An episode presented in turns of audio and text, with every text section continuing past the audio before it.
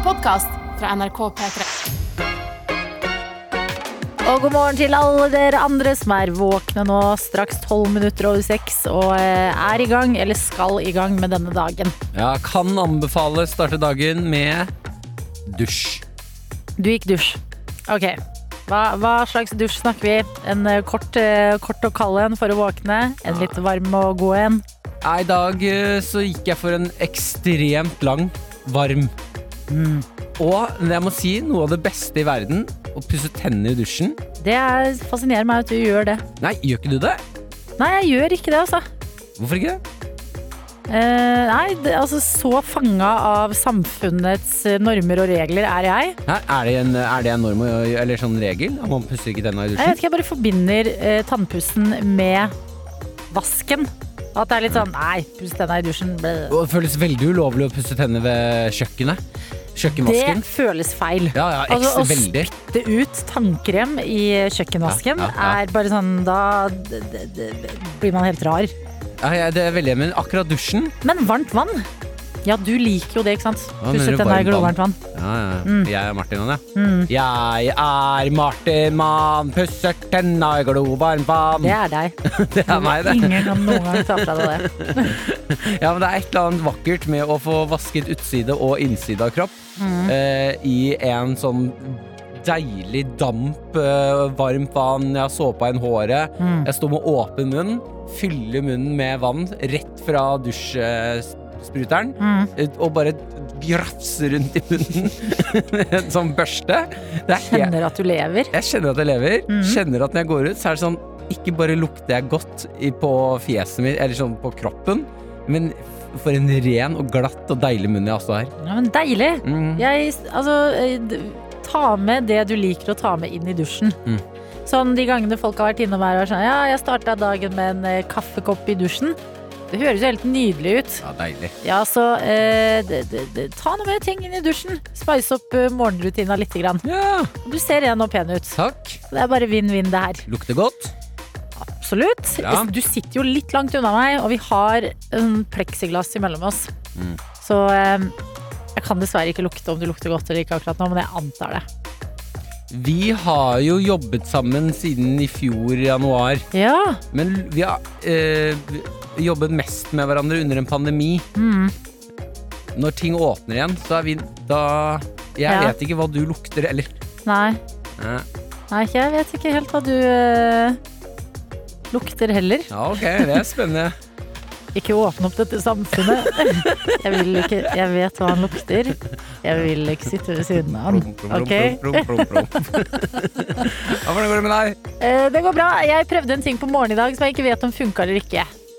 Jeg tenkte alle disse morgener som man våkner til, og så, så er man så Man liksom mesker seg litt i det, det at det er morgen.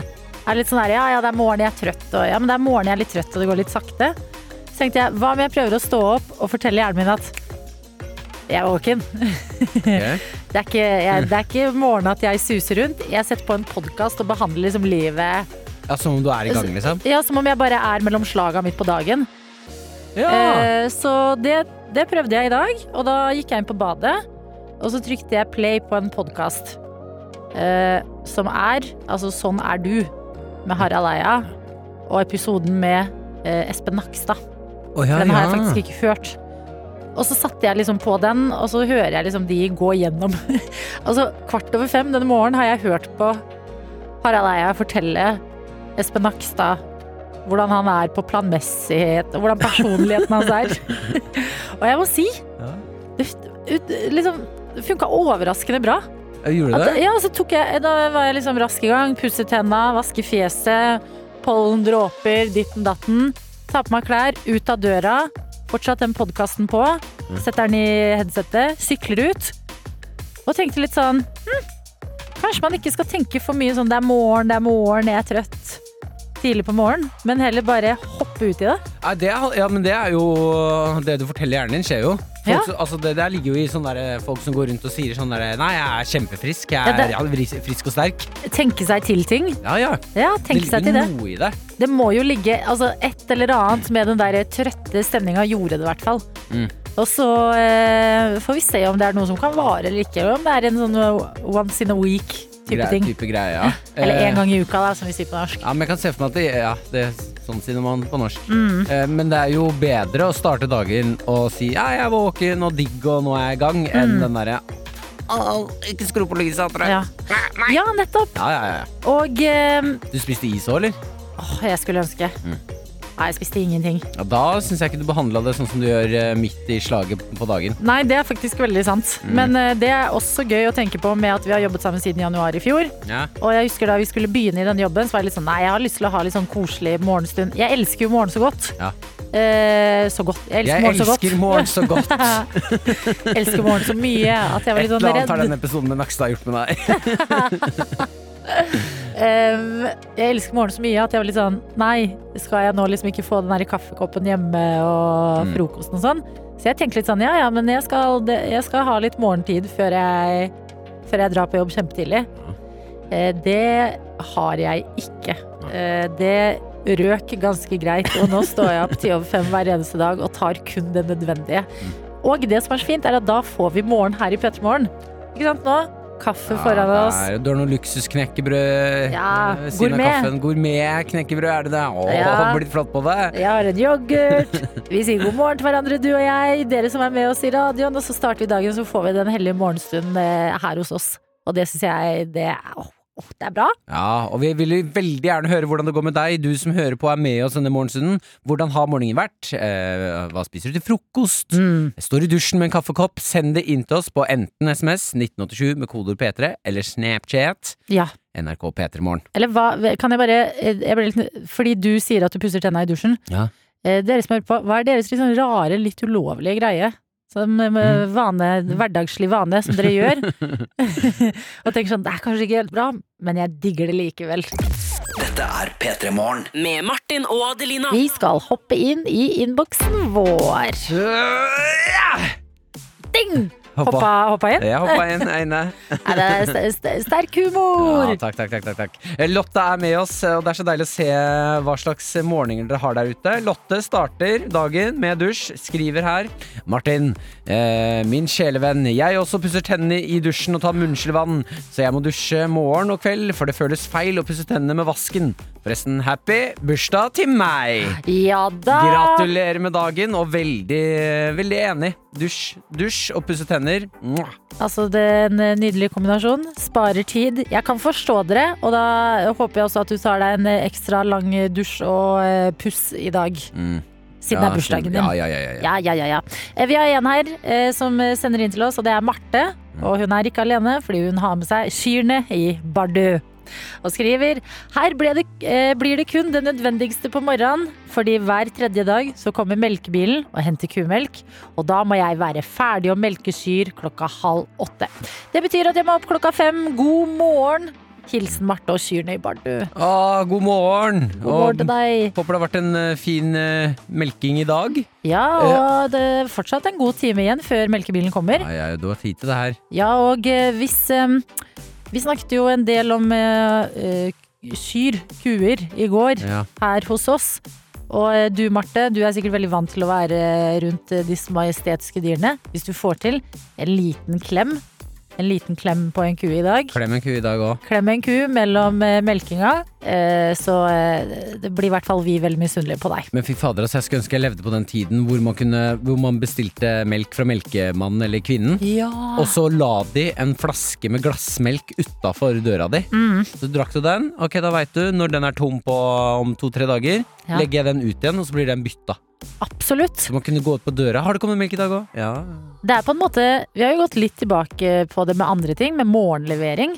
Som er at du kan bestille frokost og bakst og juice og sånn på døra. Men melken den har bare holdt seg i, i kjøleskapet og Ja, og det er det jo fint med, da, med morgenlevering føler jeg skeier ut ganske mye. Altså, Der bestiller jeg liksom sjokoladebolle. Ja, ja. her, her er det andre ting som jeg Der putter jeg ikke tilbake noe. Nei. Der kommer du, du tar ikke melken og putter den inn i kjøleskapet. Du åpner pakka med en gang og spiser det du har fått. Ja, ja, ja. Ja, ja, ja. Nei, men jeg, jeg syns også det så så Man har bare sett det på film, men det ser så idyllisk ut. At melkemannen kommer, leverer en glassflaske, alle er lykkelige og bare ha det. Ha det melkemannen. Ses om noen dager. Åh. Ah, Uh, Love of my life er med oss på Snap òg, og har blitt, uh, vil jeg tippe, influenset av deg, Adelina. yes! Du kunne fortelle at eh, du eh, mener at is til frokost er eh, the shit. It's the shit. Ja, her er Love of my life. Har tatt bilde av frokosten. Skriver jam, jam, jam, jam, frokost. Og det er rett og slett en eh, is. Ja, hva for en is er dette her? Er En jeg støtter stort. Med, jeg vil tro Det er hvit sjokolade. Mm. Eh, trekk. Wow, wow. Ja. Eh, den er ganske stor, eh, og så er det sjokoladekuler rundt hele. Så det er en av de frekkere isene, ja. I alle dager, altså Helt oppriktig, kan du melde inn hva denne isen er? jeg kan ikke gå rundt og lure. Hvit sjokolade på is, det er, da snakker vi next level. Vi har eh, fått en del meldinger fra deg, forskalingssnekker Ted, som melder om at det hakker, og vi må starte på nytt, falt bare skurrer, og du har sendt snap også. Eh, vi tror det er din radio som hakker i dag, altså. For vi har sjekka ut eh, hvordan P3 Morgen høres ut eh, i dag. Skal høres ut som alle andre dager. Så kan hende det er noe skurr på linja di. Ja, Ted sitter i bilen, fikk snap der det er eh, lyd av oss som bare Ja. hakker. Eh, og han får jo ikke den beskjeden her. Det hakker jo bilen hans. Ted! Hvis du får med deg hva jeg sier nå, slå hardt, hardt i b bilen din. Hardt! Det pleier å fikse det. Ikke sant? Sånne gamle TV-er og sånn. Ja, og der, der var vi forhåpentligvis eh, tilbake som vi skal eh, være, Ted. Eh, Kan jeg bare også ta med en melding som vi har fått fra Spania? Selvfølgelig. Fra Her- Spania? ja. Her står det 'Halla sluts, putas, horer slash tøyter'. Alle dager. Det på spansk. Det dekker hele landskapet. Håper dere har det bra. Jeg lever fortsatt. Har det bra i Spania. Og det er eh, godt å høre. Mm. Og takk for eh, ditt eh, frodige språk så tidlig på morgenen der. Og innboksen, den er herved åpnet, dere. Ja, ja, ja. Ja, ja, ja, ja. Dette er P3 Morgen. Med Martin og Adelina. Vi har også fått inn eh, her i studio hos oss vår eh, Jeg holdt på å kalle deg sjef nå. Nei, det, det kan jeg ikke ha. Produsent ansvarlig for dette radioprogrammet, det er du. Fordi sjefer de får litt mer lønn enn oss andre, fordi eh, de skal bli baktalt. Mm. Det er, det er, eh, Og baksnakkingsgebyret? Ja. ja. det Det er er prisen de må betale. Nei, jeg er nok mer, mer ansvarlig for innholdet, liker jeg å si det. Mm. At, eh, så, så den er, innholdet vil jeg si jeg er sjef for. Hvis Hvordan, hvordan er det med deg når det, når det sklir ut? nei, det liker jeg. Å ja! Oh, deilig. Deilig å ha en rotete ansvarlig. Det må dere vel vite nå etter eh, eh, snart to år. At, eh, at når det sklir ut, liker jeg. Når det er dårlig, Mm. det liker jeg ikke. Nei, liker da, jeg. Nei, da- Å, da får jeg så vondt inni hodet. Ja. Du sitter i hvert fall som en sjef her inne nå. Eh, kom inn med kaffekoppen din, tok eh, beina på bordet og har ikke på deg sko. Nei, Så det er klart du er eh, vrengt sokkene. ja, jeg, jeg, jeg ser det nå at jeg har ikke sokkene riktig vei, men det er så tidlig når jeg tar på meg sokker at vi kan ikke ta hensyn til om det er vrangt eller rett. I går, da jeg satt på T-banen, som er uh, hovedtransportmiddelet mitt her i Oslo, Oslo, Oslo, Oslo ikke, bu- ikke buss, ikke bil, Nei. så uh, satt Hans Olav Lahlum Oi! eh, i, borti vogna. Langt, uh, liksom kanskje fem-seks meter bortafor meg. Mm. Dere vet hvem han er? Sjakk. Nei, han, han satt og leste. Ja, Sjakkbok. Jeg så ikke hvilken bok han leste. Hvis noen ikke vet hvem eh, Hans Olav Lahlum er, hvordan vil du beskrive han? Krimforfatter. Litt ko-ko type. En veldig fascinerende fyr. Ja. Ganske koko type. Eh, og det er det dette skal handle om, fordi Hans Olav Lahlum sitter og øh, leser, skriver, øh, jobber Han sitter der i hvert fall for seg sjøl. Og så kommer det en fyr, og jeg bare hører dette, jeg ser det ikke, for jeg bare kommer inn i T-banen, registrerer at Hans Olav Lahlum er der, og så driver jeg og skal kjøpe togbillett. Så jeg er egentlig opptatt med mitt eget, men jeg hører hva som skjer. Og så, og, og så hører jeg en fyr som sier eh, Finn på et mannenavn. Eh, Martin. Fredrik. Fredrik Paulsen. Ja. Fredrik Paulsen. Han sa sånn. Så, så dette hører jeg skje borte, i TV-en. Sier Er det du som er han eh, forfatteren? Og så svarer han Sola Lahlum. Ja. Og så sier han andre fyren Hva er det dere kalte den? Fredrik. Fredrik Hva er etternavnet nå? Paulsen. Ja, Paulsen. ja. ja, Fredrik Paulsen her. Og så blir det stille. Og så sier han Nei, så sier ingen så sier Ja. Nei, stoppa han der?! så sier de ikke noe mer. For det han skulle, det han skulle sagt, var Da er det billettkontroll. ja. Hei, er det du som er han eh, Hans Olav Lahlum? Ja. Ok, jeg må nesten se billetten din. Ja, Kjempegøy! det hadde vært gøy. Men jeg syns også det var bare morsomt å observere en, eh, en sosial uh, interaksjon. Ja, hvor, hvor endte det, da? Nei, det var det. Der, der var det ferdig. Og så gikk han! Nei, så satte han seg ved siden av. Og jeg tror da altså at vår venn Paulsen Han hadde nok egentlig tenkt å snakke litt med Lahlum, men det stoppa der. Ja, Jeg synes det var så gøy å være med på kommunikasjon som stoppet. Men var det Lahlum som liksom stoppa det litt? Ja, det er det, for Jeg var jo så opptatt med billetten, så jeg hørte dette var bare et hørespill. Så jeg Ja. vet ikke hva som skjedde. jeg Jeg vet bare at det stoppet. Nei, men jeg kan kjenne meg igjen i den der. Altså, hvis du møter noen som du er litt fan av, Ja. eh, og da tar sjansene våre Ja, det er du som er Ja, ja hyggelig, jeg heter Martin. Ja. Og så går hjernen din i svart, og så er det Å, nei! Jo, men jeg kan kjenne igjen det der å, å møte noen man er fan av, og liksom si sånn 'hallo'. Å, men da pleier jeg å si 'å, jeg syns du er så kul', eller eh, 'å, et eller annet. Men, men jeg pleier ikke å si 'ja, jeg heter Jonas'. Ja. Men kanskje du burde det? Jo, men det er Jo, men der. det det er der. egentlig veldig gøy. Hvis du okay. møter liksom si um, Ok, en du er uh, Pete Davidson, som du er glad i, Adelina. Pete, det er forskjellen der at jeg vil gifte meg med han. Ja, du, har- du har lyst til å ligge med han og få barna hans, ja. Uh, ok, si jeg møter eh, Ariana Gra Gøy at jeg bare ikke reagerer på det. Nei, men det er jo sant, det er sånn sant. det. Eh, si jeg møter Ariana Grande, da. Ja. Som også tilfeldigvis er eksen til Pete Davidson. Ja. Eh, så er det sånn Oh my god, are you Ariana Grande? Yes. Eh, I'm Adelina. Ja, på engelsk så funka det faktisk bedre. Ja, enn på faktisk, faktisk litt enig. Adelina her. Men jeg uh, kan se for meg at Fredrik eh, satte seg ned og tenkte i sin hjerne Å, fa hvorfor sa jeg det? Hvorfor Ja. sa jeg det? Og så setter han seg ned og bare Hva er det jeg gjør? Hvorfor setter jeg meg ned? Ja. Jeg må gå, jeg må gå, nå er det for seint, nå må jeg bare sitte her. Hjelp, hjelp, hjelp. Det var dette jeg også, så jeg satt på musikk høyt på proppene mine. For jeg ville, ja, det ble for mye å ta inn over seg, denne, denne følelsen. For en uh, nydelig liten T-banetur. Ja, det var artig. Åh, tenk om de hadde blitt bestevenner, Hans Olav og Fredrik. Ja. Hei, Hans Olav Ola. Lahlum! Hallo, Hei. god morgen. P3 Morgen. Med Martin og Adelina. Prosjektleder Bakke er med oss på Snapchat. Ja. Har stått opp, har startet dagen med litt trening. Ja, det er Prosjektleder Bakke eh, er bare et Prosjektleder Bakke eh. Hørte du hvordan jeg sa det? Jeg hørte det, tenkte vi bare går smooth videre. Men det var fint, uh, fint å anerkjente det. Hjelpe meg eh, er et supermenneske. Ja, og det hun skriver her er eh, på Snapchaten Innser plutselig at jeg hiver en kettlebell mot TV-en fordi hun har skrudd på TV-en sin. Mm. Jeg lurer på om det er funky Nei, funky Funkygine. Gine, ja. Uh, Funky ja, ja, ja, ja, ja. Du er veldig international. Takk, takk, takk, takk. Så står og trener med henne. Uh, så skriver hun Innser plutselig at jeg hiver en kettlebell mot TV-en og ødelegger den om jeg glipper. Og da tenkte jeg på Jeg har lyst til å se en statistikk på hvor mange TV-er som har blitt ødelagt pga. hjemmetrening. Ja! For Fordi, det tror jeg er overraskende mange. men jeg blir litt letta av å høre at du også tenker det, prosjektleder Bakke. Fordi jeg husker eh, da man kunne dra på timer på treningssenteret. Det kan man vel kanskje forskjellige steder rundt om i landet, men eh, her i Oslo har ikke det gått på en stund. Mm. Og når du da står liksom på rekke og rad og skal løfte sånn der, så sier treneren sånn ta tyngre enn det du egentlig klarer. Så står alle med sånn kettlebells og skal liksom løfte de opp. Så jeg er alltid En, jeg er litt redd for at jeg skal glippe min. Mm. Og så, da begynner jeg å tenke på de bak meg. Mm. Sånn, ok, hvis du klipper din kettlebell, så ryker hodet mitt. Og da ryker du din, og så Ja. blir det en sånn dominoeffekt. Hele timen bare bam, bam, bam, bam. Men kan vi også bare anerkjenne hvor rart kettlebell-trening er? Når du står og kaster Jeg, hadde, jeg brukte kettlebell for første gang i mitt liv alene, men når jeg hadde fått den der treningsklokka mi, Ja. Rip.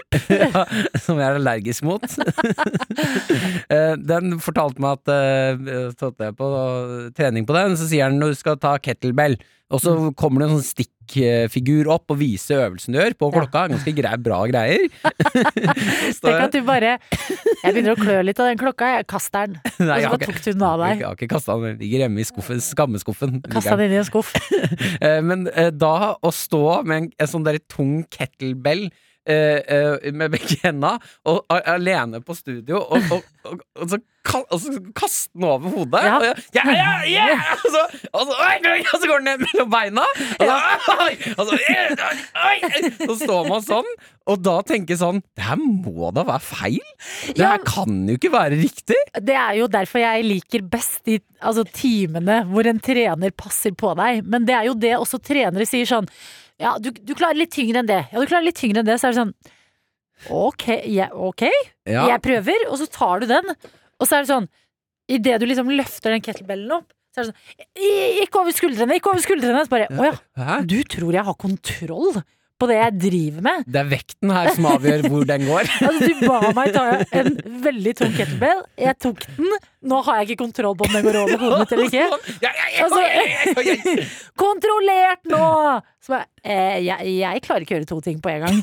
Kettlebells, at vi tok inn det i samfunnet uten å stille spørsmål. Hvem var det som bare, folkens Det var sikkert Funky Gine. Ja, som bare kettle, kettle, Kettlebells. Kast opp og ned. Men prosjektleder Bakke, god trening videre. Veldig prosjektleder Bakke av deg å trene så tidlig på morgen. Og en god morgen også til Torstein, som eh, sender en melding til oss. Og eh, melder om at han er på en liten kjøretur på ca. fem timer før han er fremme. Og kan melde om fullt vinterføre i Nord-Norge. Ja, det var deilig. Ja, men vet du hva? Nyt vinteren, fordi snart er det sommer. Så den siste resten er nå. Så kommer vinteren igjen. Så, Altså, så går det rundt sånn. det er Norge, dette her. Martin og Adelina ønsker deg en god P3-morgen. P3 Morgen. Vi skal prate om det mest eh, Jeg vil si eh, noe av det mer ko-ko jeg har lest. Eh, jeg lå på sofaen i går og lo høyt eh, når jeg leste om eh, den russiske mannen Vladislav Ivanov, Ivanov, eh, som er 27 år gammel. eh, eh, og TV 2 kan melde om at eh, han er med på et kinesisk reality-program, og Ja. han er fanget. Ikke sant? Eh, Da blir jeg, hva mener dere, fanget. Eh, og det er altså Kina og Japan er jo ofte veldig sånn kjent for å ha helt sånn sinnssyke reality-programmer. Eh, enten det er liksom absurd eller veldig krevende eller sånn strenge, strenge regler. Og dette reality-programmet her går ut på at de skal finne uh, det neste store boybandet i Kina. Sånn at det, det kommer inn ganske mange menn, og så skal de over lengre tid konkurrere i grupper på uh, altså konkurranser som sang, dans, eh, tekstskrivning, Ja. masse sånne fysiske ting. X-faktor, sikkert. Ja, ja, ja. Hvor, hvor ligger X-faktoren din kontra den andre? Mye av de greiene her. Ja.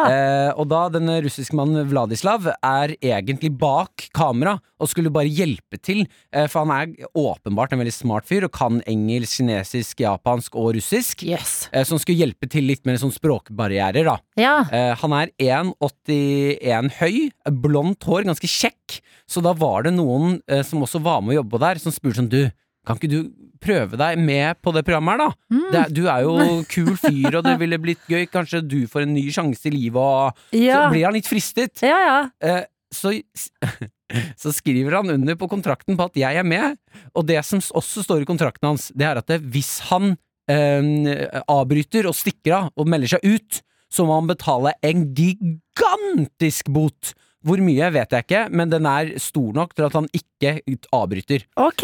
Men han vil ikke være med mer. Spennende TV-konsept. Ja, eh, altså det er helt eh, Ja, det er helt koko det greiene her. Han vil ikke være her nå. Eh, Han har meldt ifra. Han meldt ifra. 'Jeg vil hjem. Jeg vil ikke være her mer'. Og det som da har skjedd, er at det kinesiske folk elsker å se en gretten russer på TV. Og de har nå laget altså, eh, eh, kampanje på nettet om at 'ikke send han hjem'. Vi må stemme han framover, for det er stemmebasert. Ja, ja, ja, ja, ja. Så det hele det kinesiske folk stemmer han opp og fram, så han er nå i finalen og vil ikke være der mer! Du tuller. Altså, det her er jo på en måte menneskeliggjøringen av Grumpy Cat, føler jeg. At det er sånn han er dritsur. Han er ikke noe bra. Han vil ikke være der, og menneskene sitter rundt og klapper. Og bare, Ja, mer, ja, mer! av det der. Altså, dette her er en Black Mirror-episode. Ja, det er det jo også. Og det er noe klipp uh, Alt foregår på kinesisk, men jeg skal forklare sånn. Det er han det er noen klipp hvor du ser veldig nøye Er tydelig at han prøver å unngå å bli filmet. Mm. Han steller seg alltid bakerst når de skal danse. Men han er vel også blant de høyeste der. Ja, ja, ja. At han, han skiller seg litt ut. ja, med det blonde håret og den høyden, så skiller han seg ut. Og så ser du at når de har sånn danseøvinger, Mm. så står han bakerst. Og han må jo være med, hvis ikke får han bot. Men den innsatsen han legger i dansen, er så halvveis! Og han står der dritsur og må drive og twerke. Ja, men det, da, vet du hva? Det, jeg syns det er sterk humor i det kinesiske folk. At de er sånn nei, han vil ikke, men se så gøy! Og bare fortsetter å stemme han videre. Ja, ja, ja. Og alle dommerne som er med her, Ja. gir han jo bare stryk. Ja, fordi for de vil vel ikke ha han i boybandet? Nei, nei, nei. Men det er Eh, viktig, da! Sånn som med Spice Girls, Mm. som var eh, en eh, jentegruppe på fem. Ja. Så hadde de liksom eh, en som alle kunne kjenne seg igjen i. Ja. Det var en som var veldig søt, en som var liksom litt crazy, en som hadde krøllete hår. Eh, for at alle, de skulle dekke liksom kynisk nok sånn Ok, alle må bare finne Sporty Spice, da har vi en som du kan identifisere deg med. Ja. Det er viktig, folk kjenner på mye sinne om dagen. Folk er sure. Ja, greit, Fader, vi lever i en ja. verden med en pandemi. De kjenner seg litt igjen i russeren. De trenger han ene sure i boybandet som bare Jeg føler ikke takten. Jeg er forbanna nå. Jeg orker ikke. Han har jo også fått eh, Altså, de har karakter ATF. A til F. Ja. Eh, han har jo fått F på alle opp, eh, altså oppgavene. Og det er også relatable. Ja, og han sier at F-en står for frihet. Ja, for han vil bare ha flere av de. ja, ja, Det høres ut som F-en står for fame mer enn eh, frihet for eh, Vladislav. Men herregud, for et mareritt! ja, ja. Hashtag pray for Vladislav. Vår mann som er eh, dypt inne i et boybandspill. P3morgen. Med Martin og Adelina. Callis er med oss på Snapchat. God morgen. Vi har fått snap fra Tana. Nei. Jo da, ute og kjører lastebil, ser det ut som. Okay. Har altså to gigantiske rør eh, i en tank og over i lastebilen sin. Skriver god morgen. Cowboyhatt. Ja, det høres ut som en eh, cowboytype morgen i Tana, det der. ja, vil absolutt si. Og Hvem var det, sa du? Eh, Callist. Ja, og det er eh, Jeg ville tro at det var mer snø i Tana, Ja. men eh, det ser ut som det er på vei til å bli eh, vår slash Ja! eh, sommer der òg. ja, men det fortjener hele landet nå, så det er godt å høre. Ja, og vi kan også følge fotsporene til eh, L- eh, eh, Li, eh, lokfører. Lokfører Li. Ja, lokfører Lia. Koselig navn. Ja, veldig. Eh, som skriver her, hun sitter i eh, mm, eh, bula si, holdt jeg på å si, der man er lokfører. Eh, ser noen knapper og noe greier. Sitter der i bula di. Sitter i bula di. Ja. Skriver her vanligvis er det knekkebrød til frokost. Dette elsker jeg. Frokostsnaps, folkens. Ja takk. Vanligvis er det knekkebrød til frokost, men i dag ble det vårrull til kaffen. Yes. God morgen! Men det er en spenstig kombinasjon. Spiste Vårrull vårrull eh, i går sjæl, jeg. Ja, gjorde du det, altså? Ja, vet du hva, en fersk vårrull. Ja. Men da mener du ikke sommerull sommerrull, du mener en fersk vårrull? Eh, Altså sånn fortsatt fritert eh, ja, rull? Fritert, ja. Ja. Friter den skitten, ja. Ja ja. Klart det. Wow. Leve livet. Vårruller. Glemmer at de fins, før det plutselig er vår. Man bare hm, Det er vår, jeg vil ha rull. Hva går jeg for? Vårrull, ja. Ah. Ja. P3morgen. P3morgen. Med Martin og Adelina. Vi denne her onsdagen har en veldig gøy melding til deg som hører på! Fordi ja da, det lakker og lir mot vår, og det betyr jo også et av de sikreste vårtegnene vi har, nemlig Eurovision-finale! Riktig! Og det skal, mm, det skal markeres med feiring, brask, glitter, glam, bram, hele pakka her hos oss, fordi vi inviterer deg i år til vår egen Eurovision-finalefest, som du kan følge på NRK3, du kan følge på, eh, på p3.no, eh, og eh, vi vil eh, be deg om en liten tjeneste i den anledning. Ja, for det er seg sånn at eh, Adelina, du er jo eh, Eurovision-fan. Ja, det, vet du hva? Dette her har jeg vokst opp med. Ja. Ja, vi har, det har samla familien fra jeg var barn. Det har samla meg og vennene mine fra vi liksom begynte å flytte ut og sånne ting. Eurovision, det kan jeg. ja. Jeg oppdaget Eurovision i fjor. Det er så sykt. Ja, og da fikk jeg også høre at dette er ikke den ekte, ekte Eurovision. For vi så jo bare mm, altså bidrag i form av musikkvideoer og sånne ting. Ja. Men jeg må si at uansett, jeg ble litt bitt av bestillen. Altså, Jeg syns det, det var så sinnssykt gøy. det lover veldig godt i eh, 2020 å bli bitt av eskebasillen, Ja. fordi det, det er ikke den kraftigste basill, på en måte. Ja, likevel var det gøy, altså. Ja da, men det, der har du jo ikke fått liksom eh, pyro, Nei. du har ikke fått show, du har ikke fått i like stor grad de poengene som skal deles ut med sånn derre Yes, thank you for the lovely show tonight. delay, delay, delay. To som prøver å ha en samtale, alt går sakte. Du har ikke fått den derre festen man har mens man ser på når man sitter hjemme, har et skjema, krysser av, har eskbingo. Altså hele pakka er jo helt magisk. Og derfor så trenger vi en liten tjeneste fra deg, du som hører på nå. Eh, For å kunne da lose gjennom en Eurovision-fest eh, og, og ha, ha en ordentlig kveld ut av det, Ja. eh, så trenger jeg litt hjelp på hva må jeg se for å kunne kalle meg selv en Eurovision-fan. Altså av store, flotte, vakre øyeblikk, eller eh, vonde, rare øyeblikk. Hva er ditt favoritt-Eurovision-øyeblikk? Hva er det du husker? Er det noe du har eh, som er sånn Å, dette klippet må du se fra den finalen det året der! Send det inn til oss på p3morgen at nrk.no, eh, sånn at jeg kan bli, bli med i dette her eh, Eurovision-landskapet. Ja, og her er det på en måte eh, Jeg syns det er litt forfriskende at du, Martin, ikke har sett så mye. Fordi det er veldig gøy å vise nye folk som kommer til, hva Eurovision har å by på. Og det trenger ikke være bare vinnerbidragene. Altså, ofte er det jo bare bidragene, også noen av de som havner helt middels eller gjør det dårlig. Sånn som for eksempel altså, eh, Australia for eh, to-tre år siden. Som hadde en operasanger på en pinne på scenen. Som altså fløy rundt, flagret rundt, høyt der oppe, sang opera. Det er Australia, de er jo ikke i Europa, de bare elsker Eurovision. Er det sant? ja, det for eksempel, det får du ikke noe annet sted enn i Eurovision-sammenheng. Ja, for det er her jeg føler at eh, Eurovision-festen vi skal ha i P3 Morgen, Ja. eh, der skal vi liksom merge alle dere som virkelig kan Eurovision, Mhm. og alle oss som ikke har helt fått det med oss, som henger litt bak. Ja. Og da trenger vi å se en liten, eh, ja, ha en liten runde til med hva er eh, hva har høydepunktene vært så langt. Ikke sant. Eh, vi, vi må samles, rett og slett. De nye og de som sitter eh, på eh, favoritter og klør allerede nå i fingrene etter sånn der Å, herregud, Eurovision. Jeg vet allerede hva dere må se. Eh, send det inn til p3morgen at nrk.no, så får Martin, eh, og så dere andre da som kanskje ikke er eh, like oppdatert på Eurovision, sett det, så vi er klare den 22. mai. Yeah. Det er da det skal skje. Da blir det fest. Vi inviterer. Tix han skal eh, ta på seg kåpa si, pannebåndet, brillene, ut og forhåpentligvis sjarmere Europa.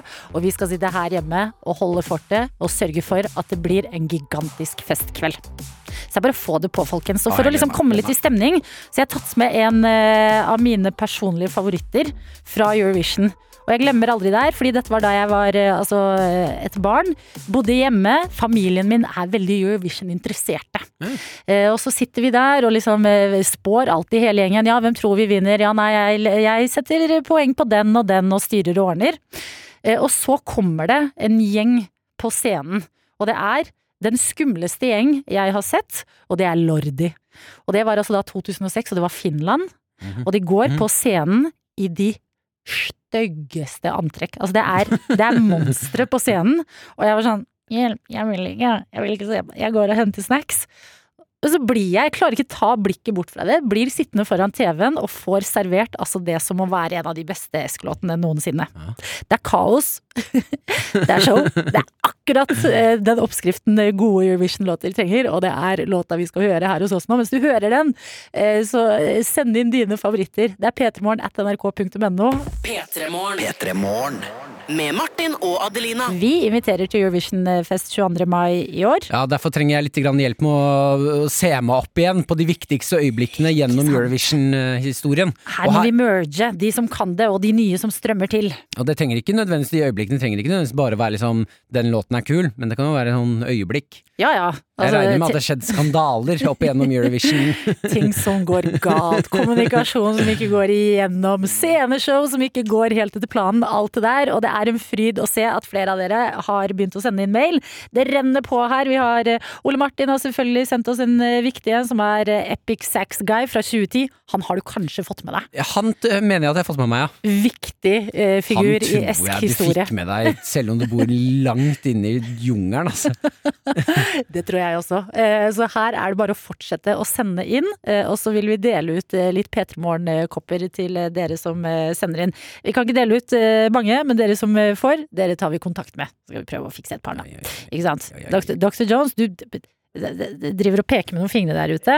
Ta deg et sjefsvalg? Jeg eh, trekker eh, tre heldige vinnere som får kopp etter kopp. Ok, tre heldige kopp til kopp-vinnere. Eh, men så vinner vi jo alle på 22. mai, når alt det her skal merges i en stor fest som vi alle skal delta i. Så det er bare å få det på. Kjennes bra, eller Martin? Shit, jeg er så gira på dine vegne. Å, herregud. Jeg er litt nervøs. Ja, det, det er god følelse. Det er viktig. Føler jeg skal inn i noen farlige greier. P3morgen at nrk.no. Der, der er det bare å bevise nå, altså. Dette er P3 Morgen.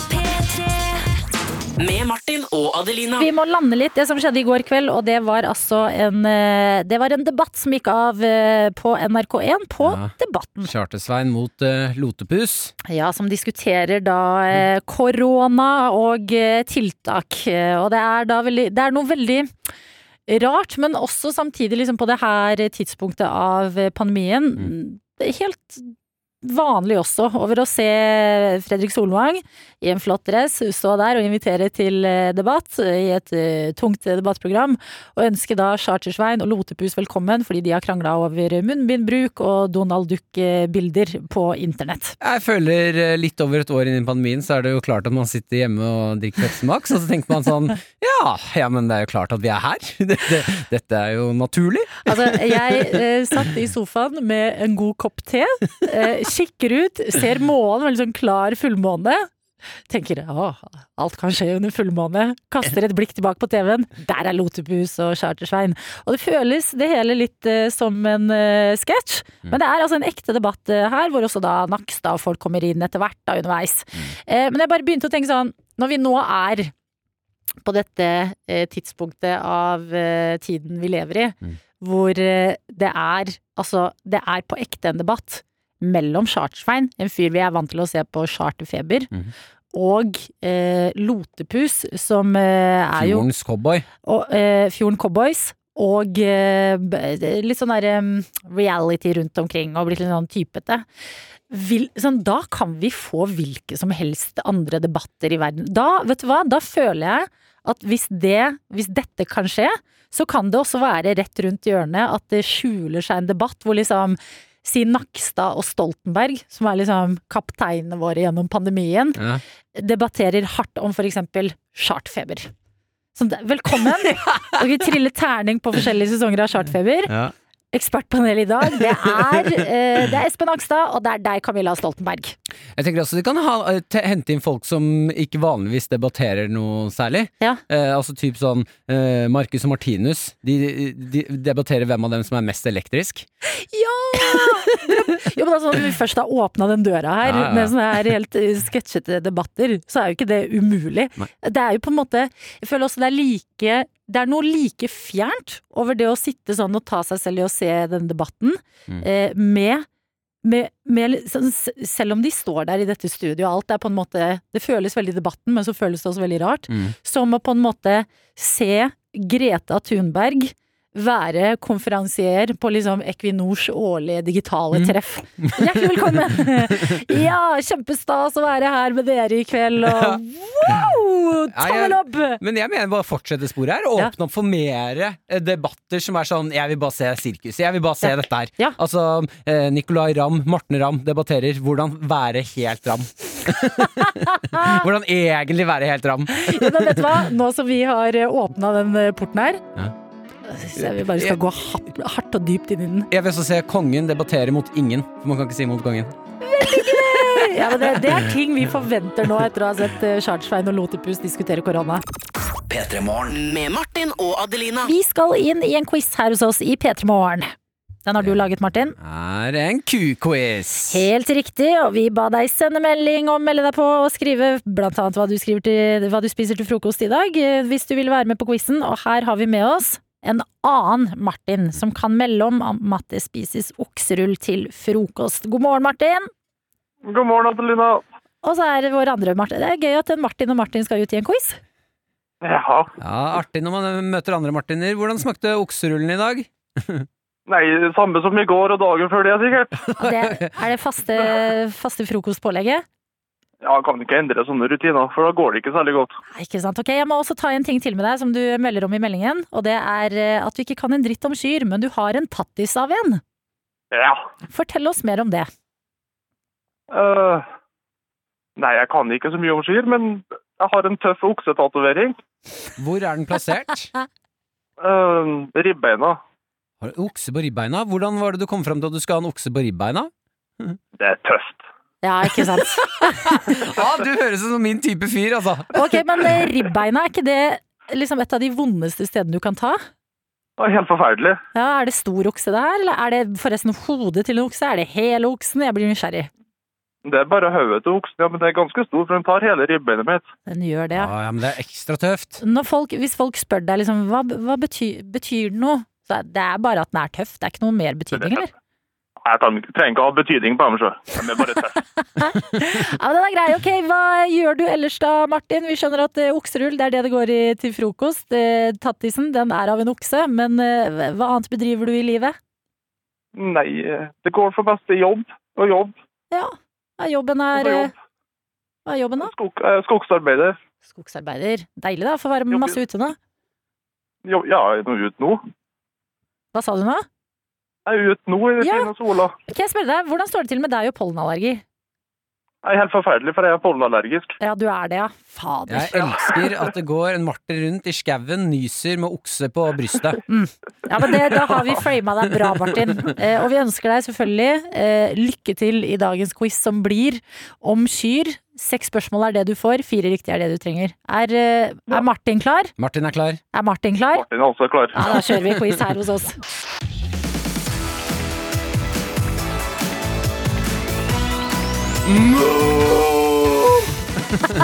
Hvor mange liter spytt produserer en ku per døgn ved drøvtygging? Er det 10 liter, 50 liter eller 100 liter? Ja, ti liter.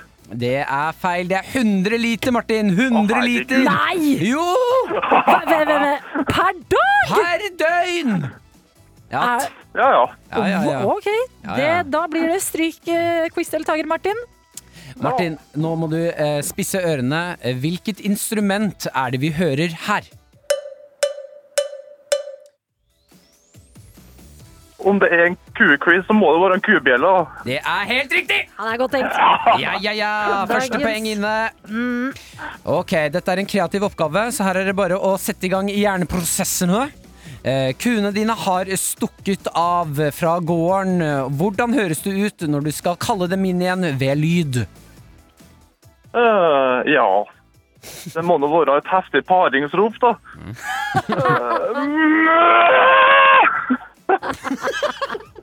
Ja, for du gikk ikke for det klassiske der Kyra! Du gikk for et paringsrop. Nei, nei, nei. nei. nei. Ok, Paringsrop. Ja, men Paringsropet er eh, helt riktig. Det er poeng. Det er to poeng i det.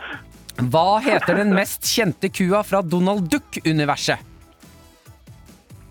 Hvem er mest kjent, da? Det er nå hun um, Enten Klaus eller Klara. Ja, ok, ja, ja, ja, ja, ja. Begge to er kjent. ja det, Det er. Klara som er ku, vet du. Ja, men vet du hva, du skal få poeng, for det er Klara jeg var ute etter. Men du har jo Klaus òg, som er mannen. Ja, men er det en ku? Klara ku, ja! Ja, men han er jo en okse. Kla Klara ku? Ja, Klara Ja, men du det er sa, Klaus. ja, du Han er jo sa Klar... Dyr. Ja, ja, ja, men kyr, de har noe dy- Det er noe dyr. Du får poeng. Ja, det er noe dyr. Ja. Ja, ja, ja. ja. Ok, Det betyr at det er tre poeng inne, da. Og Det er du, du, eh, Martin, er ett poeng unna eh, koppen. Nei, ja, ja, ja. Puppen til kua har et navn. Hva er det? Jur?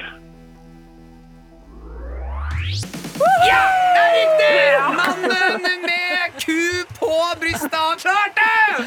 Ja, Det er fantastisk. Det er bare å gratulere deg, eh, Martin, med kutatoveringen. Men jeg må, jeg må Altså, jeg må bare avklare en ting Mm. som sjokkerte meg under, under quizen. Ja. Produserer en ku 100 liter vann per døgn. Altså, det, Spytt, ja. Spytt, ja. Ja, ja, ja. Men de, de sikler og fiser Men og holder på. 100 liter er Ja, ja, ja, klin sinnssykt mye. Å, fy fader. Ja, men Gratulerer, Martin. Hva er det som skal, eh, Blir dette en kopp du har med deg ut i, i skauen, eller blir den hjemme? Sikkert han i bilen. Det der er kopp. ja. Ja, ok, men Bilkopp liker jeg. Men du, du vet det er sånn porselenskopp? Her er det. Ja, det er det. Det er ikke sånn eh, termokopp som du kan Man eh, kan ha porselenskopp i bilen. Ja, man kan Det det. er tøft, det er tøft. Ja, det er bare, det, det, du plasserer den koppen hvor du vil du, Martin. Du har eh, vunnet den, og vi er glad for at du var med på dagens quiz. Det var eh, gøy å bli bedre kjent med deg, som har oksetatovering på ribbeina og spiser okserull til eh, frokost. Nå kan du si at du kan eh, litt mer om ku enn du kunne tidligere i dag. I hvert fall at han produserer mye spytt. Det skal være snickers Ja. og Ja, Det har vi alle lært. F- Får får vi et lite paringsrop fra deg eh, når vi setter på Girl in Red her? Eh, ja Kan få en annen type paringsrop, da. Ja, ja. Hva I alle dager. Nei, du kan ikke bare gi jeg oss vil, det. nei, og- jeg vil ikke vite hva det der var. Sett på Girl in Red. Tusen takk, Martin. Det var en ære å bli kjent med deg. Dette er P3 Morgen. Med Martin og Adelina. Vi har også fått besøk av deg, Glenn Jensen fra Iskrigerne. God morgen, velkommen. Jo, takk for det. God morgen. Er du en morgenfugl, spurte vi idet du kom inn her og gnei deg litt eh, i øya. Nei, jeg er vel ikke det. Jeg er flink til å stå opp når jeg må. Ja. Så Er du en slumrer? Må jeg spørre deg om ja, også. jeg er fryktelig slumrer. Slumrer Mm. kanskje en time. Hvor mange alarmer dette, Vi snakker veldig mye om alarmer og slumring og ting her på morgen. Mm. Hvor mange alarmer setter du kvelden før for å vite at du kommer deg opp neste dag? Jeg setter to. To. Ja, men Anne, Da har vi viktig informasjon på plass, og da kan vi snakke om eh, Iskrigerne. Som er ute med ny sesong nå. Eh, kom for to dager siden, og det er sesong fem. Eh, hva kan vi vente oss i denne sesongen her? Nei, jeg tror det blir eh, mye moro. Det er jo selvfølgelig eh, en sesong som har vært prega av pandemien. Eh, vi har jo ikke Det er vi vant med, så Ja, jeg tror det, som resten av verden. Så det blir jo, jeg tror kanskje det blir litt at man kommer litt tettere på spillerne. Uh, for, på grunn av pandemien, da, at man har funnet på litt mer utenom uh, Jordal Amfi, utenom ishockey. Fordi øh, ligaen har jo vært uh, stengt ned til tider, og hallen vår har vært stengt til tider. Og Men for de som aldri har sett Iskrigerne og fått med seg hva det er, hva er det? Iskrigerne det er en øh, TV-serie om øh, Vålerenga ishockey. Ja. Hvor du rett og slett kommer på innsiden av det aller helligste, som er garderoben.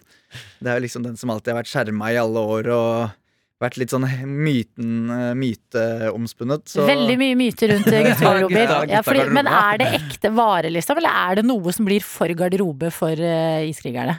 Nei, det bestemmer egentlig iskrigerne. Ja. Eh, Vi har ikke noe vi skulle sagt på hva som blir eh, klippet og sendt og sånne ting. Så, så det er ekte vare. Det er helt Ja. usminka og ujålete og rett inn i kjernen og rota på det aller helligste. Ja, for hva prates det egentlig om? For alle som har gått liksom utenfor og bare gå, gått Det her husker jeg også, gå forbi garderobedøra til guttene og høre bare sånn der. Det er jo, det prates om alt. Det Ja. er eh, selvfølgelig mye tulling og fleiping og og spesielt i Vålerenga, altså hvor eh, 99 er kjent for å være ekstremt breiale, Mm. så er det jo ekstremt morsomt å, å være. Ja, for blir det eh, Jeg har jo sett på Iskrigerne, og jeg må si at eh, det er noen ganger i den garderoben at jeg tenker sånn Å, herregud, de kommer til å begynne å slåss. For det er jo harde med hverandre. Ja, det er slåsskamp. Det, det pleier ikke å være. Det har jeg faktisk aldri opplevd. Men eh, det er, eh, det er mye meldinger. Det og så er det litt sånn derre De du er gladest, er du er hardest mot, kanskje. Så det er nesten sånn kjær kjærlighetserklæring hvis du eh, får litt meldinger. Altså, um, jeg lurer på i en Kan det hende at noen kommer på jobb og er sånn Gutta, så dere Dagsrevyen i går, eller? Sånn at man liksom tar en eller annen politisk sak, eller bare sånn. Ja, ja, det er faktisk masse man skal løse. Det blir jo eh, løst Alle verdensproblemer blir jo løst i den Ja. Vålerenga-garderoben. Ja. Der er det Så- løsninga på alt. Oppskriften på fred i Midtøsten, Ja, den ligger inni garderoben til Vålerenga. Og et hvis de ikke sted. kan svaret, så later de som at de kan svaret. Ja, Det er liksom- det er, Men i, i hockey, som, som er så fysisk sport, er du redd for at eh, spillere skal eh, bli, få liksom langvarige skader av pandemien? Man skal unngå nettopp eh, fysisk kontakt? Ja, selvfølgelig. Det er jo øh, Vi hadde jo en del spillere ute med korona, vi òg. Mm. Hele ligaen vår hadde, ble nedstengt fordi det var for mange lag som hadde smitteutbrudd. Og man Er ikke det det beste, da? Sende ut en på banen med korona, ingen tør å ta pucken? ja, bare si at man har det på forhånd. Ingen taklinger da. skilt over seg. Det er ingen som tar fram pucken. Men det er jo um, selvfølgelig Man, man ser jo Det er vel det man er nervøs for med korona, er jo at man aldri veit hvordan det går hvis man får det. Mm. Det er jo liksom kroppen din mot viruset. Det er ikke noe Det er ikke noe medisin som kan hjelpe deg, eller noen ting. Det er liksom at kroppen din må bekjempe det. Så det er jo det man er eh, redd for, er jo at folk skal få varig men av det. Fordi jeg tenkte bare mer sånn hvis eh, En ting er jo de varige mener vi alle ikke vet hvordan eh, blir, på en måte, men også sånn om, om de da kommer ut på banen etter en god runde korona og blir liksom litt takla, så bare ah, au! At de plutselig blir redde. At de blir litt, sånn litt godt vant med hvordan det er å ikke ha blåmerker hele tiden. Ja, det får nesten spillerne svar på, men de følger jo sånn Når eh, spillerne har korona, så følger de jo en sånn derre return to play-protokoll som er utvikla av Olympiatoppen. Oh ja, hva går den ut på, da? Den går på gradvis opptrening for å sørge for at hjerte og lunger er klare for, uh, for å returnere til spill, da. Ja, men i den, da? Hva, hva altså er det Fordi dere dere slåss jo litt ute på banen og sånn. Må dere innom en liten sånn inn i det rommet? Nå skal du få grisehjuling av en eller annen fyr? Nei, det er ikke det. Det går mer på at du skal starte med å gå en tur, og så skal du sykle deg en tur, og så hvis det går greit, så kan du gå til neste, Ok. så kan du trene hardere og hardere. Det er gøy å høre fordommene vi også tenker hockey, ja det blir slåssing da, det blir eh. Nei, det blir å gå en tur og tenke litt og de Litt tingene ordentlig der. trening. Dette er P3 Morgen. Med Martin og Adelina. Nå spiller du ikke lenger. Nei, det stemmer.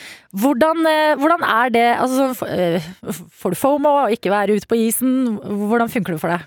Ja, nå var jeg andrekeeper, så jeg var ikke så mye ute på isen eh, i utgangspunktet. Men det var jo den det samholdet som er i garderoben. Det er jo det som er så spesielt, og det er jo det man, det er jo det man savner. Fordi får du ikke bli med på det nå? Jeg tar og sniker meg ned i garderoben eh, titt og ofte, det gjør jeg.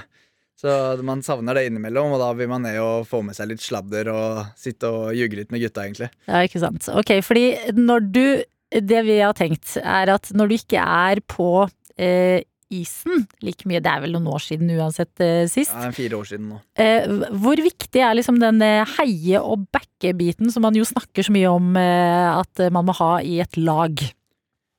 Nei, Den har vel kanskje vært viktigere i år enn noen gang, fordi det ikke har vært publikum på kampene til spillerne. Mm. Så da har det jo det måttet finne sånn, litt sånn indre motivasjon for å backe opp hverandre og liksom få For du må jo komme opp på et visst tenningsnivå når du skal ut og spille kamp. Mm. Som du gjerne får ganske mye energi av publikum, så hvis de setter inn en takling eller scorer et mål, så får du liksom eh, respons fra publikum, da. Mm. Som gir deg en eh, ganske bra energi. Nå er det bare deg som står der. Ja, Nå er det bare meg som har stått på tribunen. Og for min del så du, handler det om Vålerenga. Eh, man elsker jo Vålerenga, og Vålerenga er liksom livsstilen din. Så du vil jo gjøre alt for klubben, og, og du vil jo at de skal gjøre det bra, spillerne. Men jeg lurer på da, som andrekeeper, som du spilte da Jeg eh, har jo Jeg føler jo at du også var en slags ekspert i ikke bare backe og heie, men også gå og prøve å psyke ut det andre laget. Ja, jeg tok på meg en rolle der. Når jeg først satt der, så måtte jeg gjøre nytte av meg. Så da gikk jeg på å syke ut Han var ganske jævlig mot det andre laget fra tid til annen. Jeg kom, eh, mener at jeg var best i ligaen på, på den delen der av spillet. Ja, Hvordan det? gjør du det? Hva- Bare hvordan psyker du ut et annet lag? Nei, det slenger egentlig bare masse dritt i dem gjennom hele kampen, sånn at de blir drittlei. Mener du? Hva, hva er liksom klassisk drittslenging? Sånn, fader, se på de stygge skoene dine. Nei, det vi hadde var Det, var vel en, eh, en spiller Jeg husker vi spilte vi er- Storhamar er jo erkefienden til Vålerenga, så vi spilte mot Storhamar, og de hadde en ganske bra kanadenser. Og han eh, var litt sånn Han likte å filme litt, da. Han, eh, for å få utvisning, for at vi skulle få utvisning, så lata som at han fikk en eh, kølle i ansiktet, eller at noen hadde slått den på leggen, eller noe sånt. Mm. Som ikke var tilfellet. Og han, han var jeg på, da. Og det var bare på grunn av at han filma.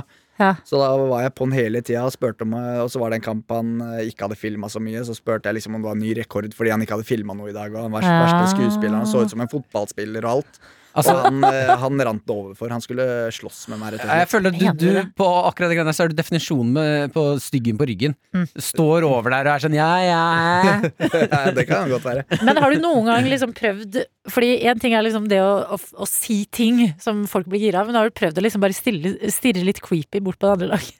Ja, det, det også gjør jeg ofte. Ja. Hvis det er en som eh, Så ekkelt liksom, blikk, ja, ja, liksom. Hvis en prøver å liksom, skal tøffe seg eller slenger med leppa mot oss, da. Mm. Sånn, så bare stirrer jeg den i senk. Ja, Vi gjør det fortsatt, det.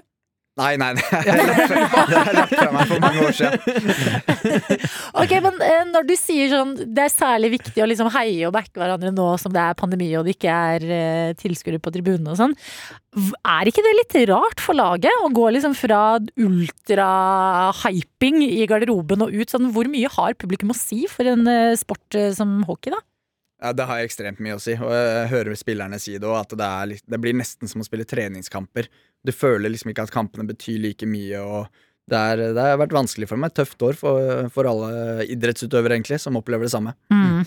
Ok, men du eh, Glenn, du skal i hvert fall få oppleve noe som det høres ut som du er god til, og det er eh, når det virkelig gjelder eh, å finne frem god, den gode heiagjengen i deg selv. Fordi i dag her i P3 Morgen du, du skal på en måte bli vår utegående reporter.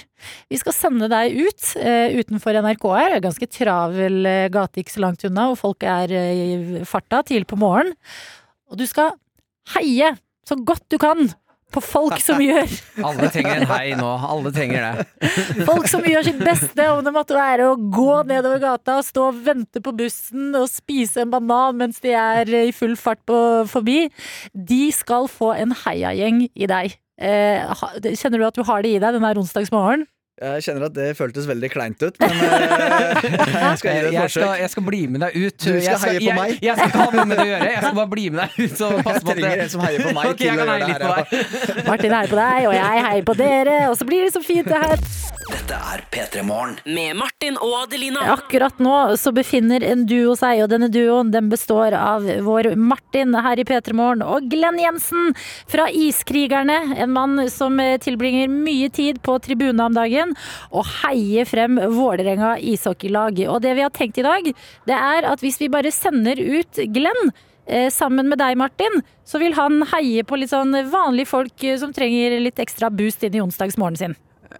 Ja, Vi står nede i parken eh, ute ved en topp. Glenn er plansert oppå toppen av en liten bakke her og stirrer utover landskapet. Får vi høre deg litt, Glenn? Ja. Nå går det altså noen forbi her. Eh, går det en herre forbi? Hei sann, hei sann. Hei. Hva trenger du litt heiing for i dag? Vondt i halsen. Han har vondt i halsen, Glenn. frisk i morgen, da setter du bedre pris på de dagene du er frihet! Her kommer det. Eh, Glenn, det er noen som går på tur med bikkja si her. Hvem trenger pep, bikkja eller henne? Eh, Begge to. Kom igjen, da! Der blir det bra dag! Høyre, Glenn. Vi har trua på deg! I dag blir det bra! Kom igjen, Er det noe rosa eh, jakkedame her som går tur med hunden sin? Kom igjen, nå! Blir det slitsomt på jobb, så setter du mer pris på når du er fri! Så Oi, enkelt er det! de ser litt redde ut, Glenn. Ja, Herlig! Heia Vålerenga! Deilig! Han heier på Vålerenga, da. Det er helt! Ja, du kan heie på de ba Der kommer det noen barn løpende. Han er altså fantastisk flink til å heie. Altså, vi hører jo Glenn som heier veldig dårlig, da. Høres ut som han heier dårlig. Kjempebra dag Der. i dag. I dag blir kanondag på skolen. Hva heier han på barna. Ha mat og helse. Deilig. Da blir vi gode og mette også. Tenk på alle som ikke får mat. Når de får lage mat på skolen. Det blir kanonbra. Og- Glenn, vi, vi, vi, der står det et par og står på mobilen begge to. Vi løper bort til dem. Ikke stå stille! Glenn, da klikka for Glenn. Vi må holde det gående. Holde hjula i gang. Og disse er livredde. Beveger på oss hele tida. Holder i gang. Hvile kan vi gjøre når dagen er ferdig. På natta hviler vi. Han har blitt en Han og klikka helt. Ja, Glenn, her kommer han, var- Han løper fra meg. Du løper Glenn. Tempo! Bra! Bra! bra. Glenn har løpt så langt. Nydelig! Herlig! Så der, der er det noen som går tur med morgentur med kaffen. Skal jeg heie litt på henne? Kom igjen nå! Kaffe på morgenen er bra! Setter i gang systemet. I dag blir fin dag på jobben. Beste dagen blir i dag. Bare tenk på at du skal inn på jobben, være best. Gi av deg selv, smile, le. Positiv energi hele tida. Så blir det bra i gruppa. Ja, tomler opp får vi nå! Ja, Får vi et heiarop fra dere òg? Det fikk vi ikke. Det var Du som skulle heie på meg. Ja, kom igjen, Glenn! Det er nydelig! Nå har vi altså Det var eh, masse Ja, ja, ja. Eh, Det var altså masse folk her eh, nå nylig. Nå er det folketomt. Det ser ut som eh, Glenn og jeg har klart å skremme bort de fleste. Ja, det, det er veldig sånn hard tone i heiinga, men det er noe koselig med å liksom høre sånn veldig søte ord. Sånn at 'du får den beste dagen', men med sånn sint stemme. Men jeg, synes- altså, det er veldig eh, heiing. Bra greier. Kan vi få litt sånn heietips fra Glenn, hvis noen har lyst til å booste dagen til noen andre der ute? Ok, Vi trenger noen heietips fra deg, Glenn, på hvordan man skal booste hverandre. Da må man være positiv og kreativ. Da, det setter folk pris på. Mm. Og gjerne litt mye røst. Det er viktig. Ja, Nå hører jeg at du har skreket mye, Glenn. Her driver du og sprekker og Jeg starter å bli hes nå, så det er jo litt overtenning fra min side der. Altså, det er helt nydelig. De folka som har tusla forbi dere, de har blitt litt skremt, men forhåpentligvis får en litt bedre dag. Det er bra jobba, dere. Takk skal dere ha. Ja, så- Over og ut, heiarop. Ja, jeg må bare få si uh, ha det til deg, Glenn, og at det var eh, Det var rart og hyggelig å være løper inn til parken og heie med deg. Takk for meg, takk for meg. ha det.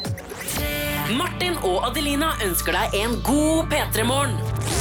P3 Morgen. Du er tilbake igjen, Martin, etter en aldri så liten heierunde der ute. Jeg var ute og heia med eh, Glenn fra Iskrigerne.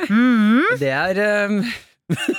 Hvordan tar eh, nordmenn i eh, liksom, Nå som man er i pandemien også, at noen ukjente plutselig liksom roper til deg? Nei, vi, vi holdt jo avstand, da. Ja. Eh, Men det som jeg syns var mest fascinerende, er at eh, Glenn han ser så snill ut. Mm. Så ser ut som en sånn rolig, fin fyr. Han kunne fortelle meg på vei ned til parken før vi skulle begynne å heie på folk, Ja. at uh, han er veldig glad i å ikke lage noen scene i offentligheten. Mm. Han liker å holde seg litt anonym når han er ute og går. Ikke sant? Da rett ut og rope på alle syklister og folk som lufter hunden. Men da må jeg si, det er altså noe med å gi veldig sånn hyggelige beskjeder. Så sint. Så sint! Ja. Som de mykeste beskjeder som kan være sånn derre må du faen meg ha en bra dag! ja, Hvis du skal si liksom eh, til eh, en person sånn derre Jeg har lagd middag! Og jeg har kjøpt vin! Nå skal vi kose oss! Jeg syns du er veldig pen i kveld! Veldig fin kjole! Den komboen der er spennende. Ja, men vi fikk noen tomler opp, og øh, de fleste så egentlig mest bekymret ut. Og Ja. var litt sånn 'jeg tror jeg går et annet sted'. Jeg bare tar denne svingen her. Ja, men det er godt å høre at uh, konfliktsky Norge er eh, fortsatt som det var. Så er det fint å se at folk er med oss på Snapchat denne morgenstunden her. Vi har med oss øh, Kront, som kan skrive her 'God morgen slash natt'. Jeg føler meg som en drita okse etter min aller første nattvakt på sykehus. Trett i min bil eh, før senga skriker etter meg. Han får fortreffelig dag. Jeg skal sove den bort og lade opp til ny nattvakt. Oi, spennende. Ja, og Altså, jeg liker veldig godt uttrykket drita, og jeg føler meg som en drita okse. Ja, men man gjør jo Ja, hvordan er en drita okse? Altså, okser er vel Oppfører seg alltid som om de skulle vært drita, gjør de ikke Ja, men det er ikke så langt unna, da. Uh, har du spist uh, wagyu-biff? Eller kobebiff. Og det er du eh, eh, Martin, dette, Nå vet dere hvilken side av Martin som dukker opp nå? Champagne. Siden det er Martin som drikker champagne og kaller det champagne. Jeg kan jo fortelle en litt uh, morsom fakta om uh, Kobe-biff, eller wagubiff. Den Ja. oksen, som er liksom verdens beste kjøtt, da, Ja. sies det. Jeg har smakt det. Jeg er jo ikke helt enig at det er verdens beste, men godt er det. Ja. Eh, det de gjør på sommeren med disse oksene, siden de, det er så varmt eh, der de er i Japan, at eh, de ikke liker De oksene spiser egentlig ikke så mye. Nei. Da fôrer de dem med sinnssyke mengder øl. Gjør de det, altså? Ja, og da blir de sultne, og så spiser de masse korn og masse deilig mat. Men er det Å ja! Mm. Men er det bra Altså, kan en okse drikke øl? Åh, nei. Nå er vi på det rare, Ja, rare delen av programmet De gir jo oksene masse, masse, masse øl. Ja, gjør de det? Ja, masse hvete, og det er jo mye mat i øl nå, ikke sant? Hvorfor kan vi ikke få en type Kobe-biff fra Norge? Så hvorfor må det være Det, det har kommet. Ja. Jeg kan ikke si for mye. Ja, det har kommet? Hva, hva, altså, jeg har- hva for noen har- plugs er det du har i Jeg har en kjøttfyr Mm. som jeg snakker med fra tid til annen. Jeg ville ikke, jeg vil ikke tatt eh, alt han sier eh, for god fisk. Eller ku. Nei, Jeg kan ikke si for mye. Jeg Mm. kan si at det skjer ting i kjøttmiljøet i Norge. P3 Morgen. Med Martin og Adelina. Hadde et øyeblikk med den låta her, Martin. Astrid S. It's Okay If You Forget Me. Jeg, jeg, den, jeg liker den låta veldig, veldig godt. Ja, Den traff deg, og så brølte du med, og så, og så stirra du ut i lufta. Altså, det er sånn låter eh, treffer folk litt forskjellig, da. Ja, og så prøvde jeg å finne på et ordspill. Jeg vet du er veldig glad i ordspill, Adelina. Ja. Så jeg prøvde å finne på med Astrid S. Ja. Og så tenkte jeg sånn, er det noe gøy med sånn Tastrid? Tastrid S, at det en karakter som taster på tastaturet. Kanskje kanskje jobber litt mer Det, ja, det må jobbes mer med, ja. Den, den, den må jobbes Ja, mer men det er en god start. Vi, vi har i hvert fall begynt. Ja, vi er i gang, og det tar meg perfekt videre til uh, ting jeg har lyst til å prate litt om her i dag, og det er Kjære alle sammen, nå går det mot uh, lysere tider. Det har det, har det gjort en stund, da. Har det egentlig gjort. eh, blitt, dagene har blitt lengre en stund nå. Men nå ser man det virkelig, da. Ja, og eh, vi er jo i, eh, midt i en pandemi, Ja. eh, og nå begynner det å lette rundt omkring i landet. Og i går kom det også en pressekonferanse som kunne fortelle oss at det letter også her i hovedstaden, hvor ting har vært altså så bekmørkt så lenge. Er rolig seks måneder med total nedstengelse. Ja, altså, I går var vi jo, da vi skulle Vi spiste lunsj her i Petermorgen, så var vi sånn Når var sist Når var sist man kunne få en øl ute på byen i Oslo, da? November, da. Det var, ja, for det var november, ja. Ja, riktig. Så det er et halvt år siden Mm. eh, vi var ute og kunne få en øl på tapp, for eksempel. Og det, altså, det er en glede jeg sånn, Den er så fjern at det er ikke det jeg Jeg har lagt lista så lavt nå at mm. jeg blir glad av alt sammen. Og derfor fikk jeg også sånn der Da eh, Raimond Johansen sa nå er det lov med inntil ti personer hjemme i går, så var jeg sånn herre Det er så mange! Ja, men det var sånn, jeg, jeg var ute på gata i går, og det er nesten så jeg liksom stopper opp og peker på mobilen og bare Dere! Dere, det er ti! Det er ti nå! Ja, Du blir den der gutten fra 60-tallet som står på kassa og bare 'Breaking news! Who wants to read the paper?' Nei, Jeg var helt så- overvelda av ti personer Ja. som føltes som hundre! Mm. Det føltes som jeg ble invitert på liksom tidenes fest, og der er alle jeg er glad i, og der er det masse mennesker, og det er nye folk, alle ser fine ut, og bare shit, ti personer! Ding, ding, ding, ding, ding, ding! Gal ko-ko i hodet. Og så lander jeg litt. og så slår tanken meg har Eller så har jeg egentlig ti venner. Har jeg ti venner? har Jeg så mange venner. Har jeg? Hvem er det? For nå har man liksom hatt den bitte lille gjengen sin. Ja. Rullert litt på de. Eh, hatt noen nærkontakter her og der. Men ti?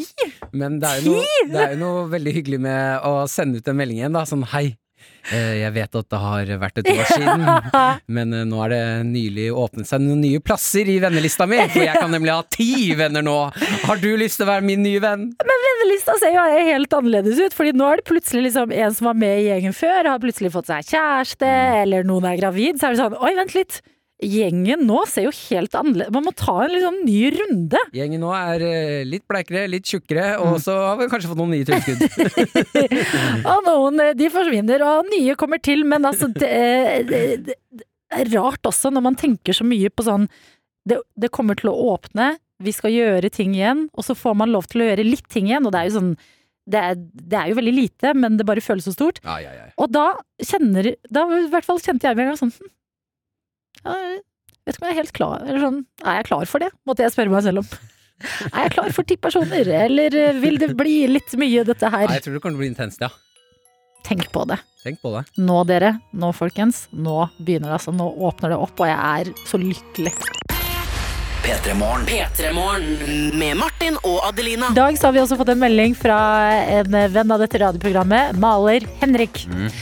Som melder inn til oss, kodeord P3 til 1987. Og her er det bare å dele av dagen, dere. Enten det er en tanke dere har som dere har lyst til å lufte, en følelse dere sitter med som dere trenger litt eh, utløp for, eller eh, dagsplanene. Alt det der, det vil vi ha. Maler Henrik skriver til oss I'm back, bitches. Oi! Jeg har tatt meg en liten radiopause, men jeg kommer jo krypende tilbake. Så man kan på et vis si 'dere vant'. Gratulerer. Vennlig hilsen Maler Henrik. Ja, Hva kommer denne pausen av, tro? Hva? Maler, Maler Henrik prøver å fortelle Altså, nei, jeg, jeg takler ikke å bli avvist på det. Altså, Nei, nei, men Maler Henrik er tilbake, vet du. Ja, det, er, det er det de alltid er. De prøver. Det er hyggelig å ha deg tilbake. drar vi dere inn igjen. Kom, kom, kom. Vi vil jo ha dere med. Ja, men hva går det i da, Maler Henrik? Har du spist opp all isen du fikk? Ja. Han jo- drev jo gjorde en malejobb på en eh, isfabrikk, kunne han eh, meddele her i Petermorgen. Ja. Er det Og det er jo også noe vi faktisk uh, jobber hardt for, i hvert fall Adelina i dette programmet her. Uh, du som hører på nå, hvis du står opp, er i ditt hjem, og det er is i fryseren, ta deg en is til frokost, da. Det er onsdag. Det høres ut som sånn tullete helsprø idé. Sånn, ta, vær litt gæren, da. Ta deg en is til frokost. Men det er ikke tull. Det er, noen ganger er det veldig deilig å starte dagen med en is. Det er forfriskende. Ja. Du våkner, og så fins det sånn herre eh, Grunnen til at jeg har begynt litt med det, er fordi det finnes sånn mini-iser i en pakke, og de er jo, så- altså det er jo Det Munnfull, det. Det er en munnfull. Mm. De er lagd for å være frokost. Hvis det fantes en frokostis, ville det vært den. Ja, det vil jeg si. Slenger, slenger du ut der. Jeg vil også da melde at eh, jeg vurderte å ta meg en eh, skje til frokost i dag. En skje med tacokjøttdeig. Rester. Hvorfor gjorde du det ikke? Nei, jeg tenkte Det kan hende fordi jeg spiste på alt. Altså, du hadde ikke takrester. Det var ikke mer igjen. Ja, men det, men uh, morgen er jo på en måte forskjellig for alle uansett. Men jeg, altså, akkurat klokka fem på morgenen Ja. hjemme, så er ikke jeg sulten på noen ting. Er det det? Er jo mer sånn der eh, rundt sånn fra halv åtte og ut. Da Ja. føler jeg at eh, kroppen er klar for hva, hva som helst. Ja, det er noen ting jeg kan putte i eh, munnhullet. Ja, til Ua- frokost. Ja, altså uansett Ja, hadde du klart å spise en varm, fro, liksom, varm lasagne fra dagen Ja, ja. Ja, hadde du det? Ja, jeg mener jo, står jo sterkt i det at dette frokostkjøret, altså må man egentlig Det er derfor jeg liker eh, helgefrokoster. Ja, da har jeg så utrolig god tid, og da kan jeg lage meg noe varmt. Altså omelett eller toast eller Mm. eh, varme bagetter og sånne ting. Eh, for når frokosten blir kald, da syns jeg ikke det frister så mye. Men Mm. det å gi meg middagsrester Fy faen, jeg får vann i munnen jeg bare snakker om det. Ja. Middagsrester til frokost. Shit, for et liv det er. Da kan jeg spise Da kan jeg faktisk spise kald. Jeg Ja. merker jeg blir sint når jeg snakker om det. Ja, men jeg hører det. Da kan jeg spise kalde ting. Så sier du meg kald lasagne til frokost. Jeg Ja. banker nedpå det, altså. Ok, shit, vet du hva jeg lærte i går om kald mat? Hæ? At koldt bord er fordi det er kald mat. Det er liksom kaldt bord. Visste du det? Jeg lærte det av eh, den eh, serien til eh, Ronny Brede. Aase. Et fett liv. Så det er noen som sier må- koldt bord, og så sier de et kaldt bord. Jeg bare wow, det må jo komme derfra. Ja, jeg har ikke vært på koldtbord siden 60-tallet. Når ja, danskebåten åpnet. Å, å Adelina! Å, så flaut at du nevnte koldt bord! Jeg, det Martin, jeg er så kul! Jeg drikker champagne og har en hund. Og driver og snakker om wagyu-biff. Når var du sist på koldtbord, da? Nei! Det handler jo ikke om når jeg var på koldtbord. Det er gøy å lære uansett. Nei, de gjorde masse rare ting på 50-tallet. Er du streng? Nei, men det er, det er greit, det. Det er greit. P3morgen. Med Martin og Adelina. Jeg har øh, fy faen, jeg ble selvbevisst, men kjøpt meg øh, leilighet. Ja. Du, hallo! Ja. Har du sagt det ordentlig, eller? Til folk som hører på, at du har kjøpt deg leilighet? Ja, nei, jeg, jeg, jeg føler du kanskje gjorde det i går, eller? Ja! Ja. Martin, har, Martin skal flytte! Ja, jeg har kjøpt meg leilighet! Ja! Eh, skal flytte med Kommer til å bli kj- kjempefint der. Ja, det er rolig. Jeg hører hva du driver med der. Eh, og i går så tenkte jeg at jeg tar meg en liten tur rundt området jeg skal bo på. Det nye området. Jeg er ikke kjent der. Nei. Eh, så jeg tar meg en liten tur, og så tasser jeg litt rundt med hunden min og blir litt, ser på litt område, da. Mm. Eh, og så fikk jeg ideen om at eh, fordi Maren, min eh, samboer, som jeg skal igjen flytte sammen med dit, eh, var ikke med på turen. Hun trengte å sove litt etter jobb. Ja. Så da gikk jeg alene med hun. Det er kos. Så tenkte jeg, det hadde jo vært gøy om jeg hadde en liten fotoshoot med hunden min Mhm. på alle de flotteste stedene på det nye stedet vi skal bo, og så sender jeg det til Maren. Veldig gøy! Så da tok jeg og plasserte Mumphy, min hund, rundt på Torshov, da, dette området i Oslo. Oppå sånne fine sånn eh, Oppå parken eh, rett ved oss, og hadde fotoshoot der. Og så gikk vi ned til en kafé rett utafor Bakke Hansen. Mm. Eh, så satt jeg henne oppå en benk, og så tok jeg noen bilder der. Så jeg blir litt han gale hundepersonen. Ja ja, men det Men det var ikke før Hvorfor ellers kan man ha hund, på en ikke måte? sant, ikke sant? Det var ikke før jeg har gått, gått til området hvor jeg skal flytte, altså utenfor, nå står jeg utenfor leiligheten jeg har kjøpt, som Mm. jeg skal flytte inn i.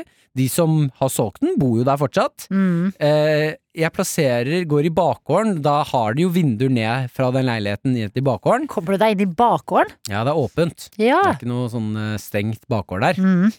Der er det sånn lekestativ for barn og sånn forskjellige greier. Jeg Husker og sånn. Som ofte er i bakgårder. Eh, da plasserer jeg hunden min oppå en sånn stor huske. Mm. Som er sånn rund, svær, som man kan ligge to stykker i. Veldig god huske. Veldig god huske. En av de bedre huskene. Ja. Eh, og står i bakgården der og knipser bilder av Mumphy. Eh, og så kommer jeg på at de jeg har kjøpt den leiligheten, vet nå hva jeg heter. Ja. Eh, og det kan jo hende at de kanskje vet hvem jeg er òg. Mm. Eh, At de ser deg. Det er møtet ditt med de nye naboene dine, ja. og da kan det hende at de som har solgt meg en leilighet, nå i går så meg stå i bakgården mange måneder før jeg skal ta over leiligheten, knipsende bilder av hunden min. Mm. Eh, og det er et sted eh, jeg tenker sånn Det er, det er sånn gjør man ikke Ja, fordi du har mye selvtillit, men har du selvtilliten til det, på en måte? Det å stå i bakgården foran uh, den uh, nye leiligheten min mens de bor der fortsatt, mens jeg står og tar bilder av en bitte liten cockapoo Mm. Men det er gøy. Det er gøy at du fokuserer på de som skal De skal jo flytte derfra. Ja, men det er Tenk på de, alle de andre. Tenk på de med barn som ser en voksen mann Som ikke bor der. som kommer inn i, i huska med en hund og tar masse bilder Og det var hunden. voksne og barn som lekte i den bakgården mens Ja. jeg drev og tok de bildene. Og du var sånn 'hei, er ny naboen'? Nei, jeg sa Og de bare, alle bare 'hjelp, hjelp'. Og jeg skal hjelp. møte de leieta... Altså, de jeg har kjøpt av, de skal møte neste uke for et møte. Ja. Kontraktsmøte. Dere skal møtes for et møte? Ja, møtes for et møte. Uh, og jeg håper altså så inderlig at de ikke har sett meg i den bakgården. Mm. For det klarer jeg ikke å stå for. Nei, men det hjelper å si det høyt, for da Mm. føler man seg mindre dum. Mm. Så du, du føler deg litt mindre dum allerede, eller? Nei. Nei. Jeg føler meg fortsatt uh, uh, Jeg føler meg skitten på en eller annen måte. Ja, men vet du hva? Det er uh, Du kommer til å gjøre så mye annet dumt i den bakgården at ingen kommer til å huske denne fotoshooten. er fint. Altså, du, du skal bo der hver dag. Ja, ja. Disse folka, det jeg tenker det er heller smart, det at de får en liten sånn forsmak Mm. på hva som venter med den her nye naboen som er på vei innover. Er det nye naboene, ja? Hei, dere! Pikk eller pung? Å herregud, dere, se på naboen! Se på naboen hva han gjør nå! Pikk eller pung! Dette er P3 Morgen. Med Martin og Adelina. Vi har eh, sagt til deg som hører på at du er hjertelig invitert til vår Eurovision Fest den 22. mai. Ja, da er vi alle invitert. Uansett om eh, man følger med på Eurovision eller ikke, så tror jeg det blir en helsikes god fest. Ja, altså det er eh, aldri for sent å kaste seg på Eurovision-toget, og det er jo nettopp det som har skjedd her i P3 Morgen. Fordi jeg har egentlig eh, vokst opp eh, med det her, tatt det med meg også videre inn i livet. I kollektivene jeg har bodd i har vi alltid hatt Eurovision-fester. Kledd oss i glitter, eh, hatt eh, skjemaer med hvem vi tror vinner og ikke, og fulgt altså nøye med. Men du Martin, du er ny i gamet. Ja, jeg fikk Eurovision servert for første gang i fjor. Ja. Uh, og da var det jo ikke egentlig Altså da var ikke en ordentlig Eurovision engang. Da var det jo bare bidrag med musikkvideoer. Og likevel så er det noe av det morsomste jeg har sett. Altså Samle en liten vennegjeng, sitte ved sofaen, se på det ko-ko showet. Altså det er, jo, det er jo et sirkus, på en måte. Sånn, det er Ja. noe som drar alltid en eller annen ting som bare er sånn Oi, jøss, du gikk der, ja. Du gikk såpass langt. Eller eh, et danseshow som skal matche skjermen i bakgrunnen. Eh, det skal være Plutselig får vi servert en eh, gresk eh, Beyoncé-aktig person. Altså det er så det, det, Jeg føler det er eh, kulturutbytte. Ja, og for at jeg og Adelina skal ha den beste mulig, eh, beste mulig som festen til Eurovision 22. mai, så trenger vi også din hjelp, du som hører på nå. Hvis du elsker Eurovision og har fulgt med på det her, og hvis du har fulgt bitte, bitte lite grann, kan ikke du sende oss eh, For jeg, jeg må være helt ærlig, jeg trenger litt hjelp, jeg må se meg opp på det greiene her. Ja, det, det er Martin vi Ja. på en måte samler inn her for. Ja, Vi fyller eh, hans eh, kunnskapshull med Eurovision. Fyll høla mine med, Med Eurovision. Eurovision. Send inn ditt favoritt, eller vakreste, eller kuleste, eller mest minneverdige øyeblikk fra Eurovision, eh, fra, hele, fra alle tider, Ja. eh, til p3morgen at nrk.no. Yes. Så kan vi se oss litt opp, og så blir det Så kan vi bli litt mer eksperter. Ja, men så kan vi introdusere alle dere som eh, kanskje ikke har så stort forhold til Eurovision eh, den eh, 22. mai, fordi den helga da blir det Eurovision-feber i hele landet uansett, det vet vi jo Mm. fra alle tidligere år.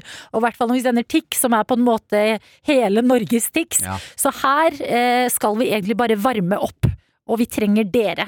Og vi trenger deres favorittøyeblikk. Og det er inn på mailen det skjer. Det er p3morgen at nrk.no. Mm. Så eh, blir det jo sånn at vi sitter på, vi sitter på litt uh, ting. ja, vi har noen kopper her i P3 Morgen, og ja, de kan deles ut til noen av dere. Så uh, hvis du sender inn, uh, så er det ikke, det er ikke sikkert du får kopp, men det kan hende du får kopp.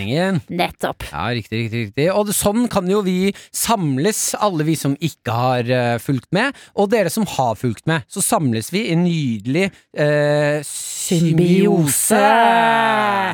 Vi kan ord! Ja, ja, ja. Perfekt. Og Martin, du så jo på i fjor. Fikk deg en favoritt? Ja, det var eh, der Har du skrudd på Siri? Eh, Siri eh, meldte seg på ballen her. Siri, mitt favorittøyeblikk, det må være da Alexander Rybak Eh, favoritten min fra fjor var Island. Think about things, Daddy Freer. Yes, og den hører vi på nå. Mens du koser deg med den, så kan du gjerne sende oss en mail på p3morgen at nrk.no. P3morgen P3 Morgen. med Martin og Adelina. Og vi har fått en melding, Martin, av deg som var ute og gikk tur med, med Mumphy. Mm. Eh, Du hadde en liten fotosession i det nye nabolaget hvor du skal flytte inn, og var litt sånn hm, tok deg selv i øyeblikket og lurte på ja, hjelp, hva er det jeg gjør? Mhm. Vi har fått melding fra tømrerlærling Noah, som skriver Martin, ikke vær flau over dette. Det du må gjøre, det er å stå stolt i det. Og ta med Mumphy på kontraktsmøte som dere skal ha. Hvis møtet er i den nye leiligheten, så tar du enda en fotoshoot inne i leiligheten for Ah. å toppe det hele. Aldri kims av fine hundebilder, og der sier eh, tømrerlærling Noah noe veldig bra. Ja, vet du hva, enig! enig. Mhm. eh, men da kan jeg også fortelle at eh, Jeg fortalte jo også at jeg sto, da, sto i bakgården til den nye leiligheten jeg har kjøpt. Ja, eh, Og tok hundebilder av min hund oppå en huske. eh, Og var redd for at eh, de som jeg har kjøpt leiligheten av, som fortsatt bor der, har sett meg. Ja. Eh, jeg har fått snap fra de som bor der! Nei! Tuller du? Jeg har fått snap fra de jeg har kjøpt leiligheten av! Åh! Altså, de har sett deg. Eh, her står det Jeg kan si hva det står. Jeg vil først bare fremst si til uh, Vesti her, eh, som sender oss snap, som bor der. eh, gratulerer med å ha solgt leiligheten til eh, Ja, gratulerer med at dere er veldig rike nå. Gratulerer med å ha solgt leilighet langt over prisantydning. Ja, Ja. gratulerer med det. Så jeg håper det blir verdt det. Ja. Eh, Vesti skriver også No worries, Martin. Vi ser ikke huska fra balkongen. Woho! Det er bra. Men skulle gjerne ha sett det. Ja, det er, det, vet du hva? Da er det allerede ute av verden, det som du gruet deg til på kontraktsmøtet. Ja. Da kan vi i hvert fall ta Mumphy av fotoshoot. Ja, nå ja! Altså, Skal nå, tilbake til til i dag, jeg. nå skal du slå telt i den hagen der. Ja, fantastisk. Sånn er det bare. Nei, men det er alltid eh, godt å høre fra dere, enten det er på SMS eller Snap, så fortsett alltid med det.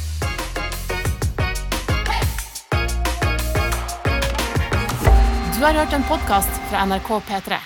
Hør flere podkaster i appen NRK Radio.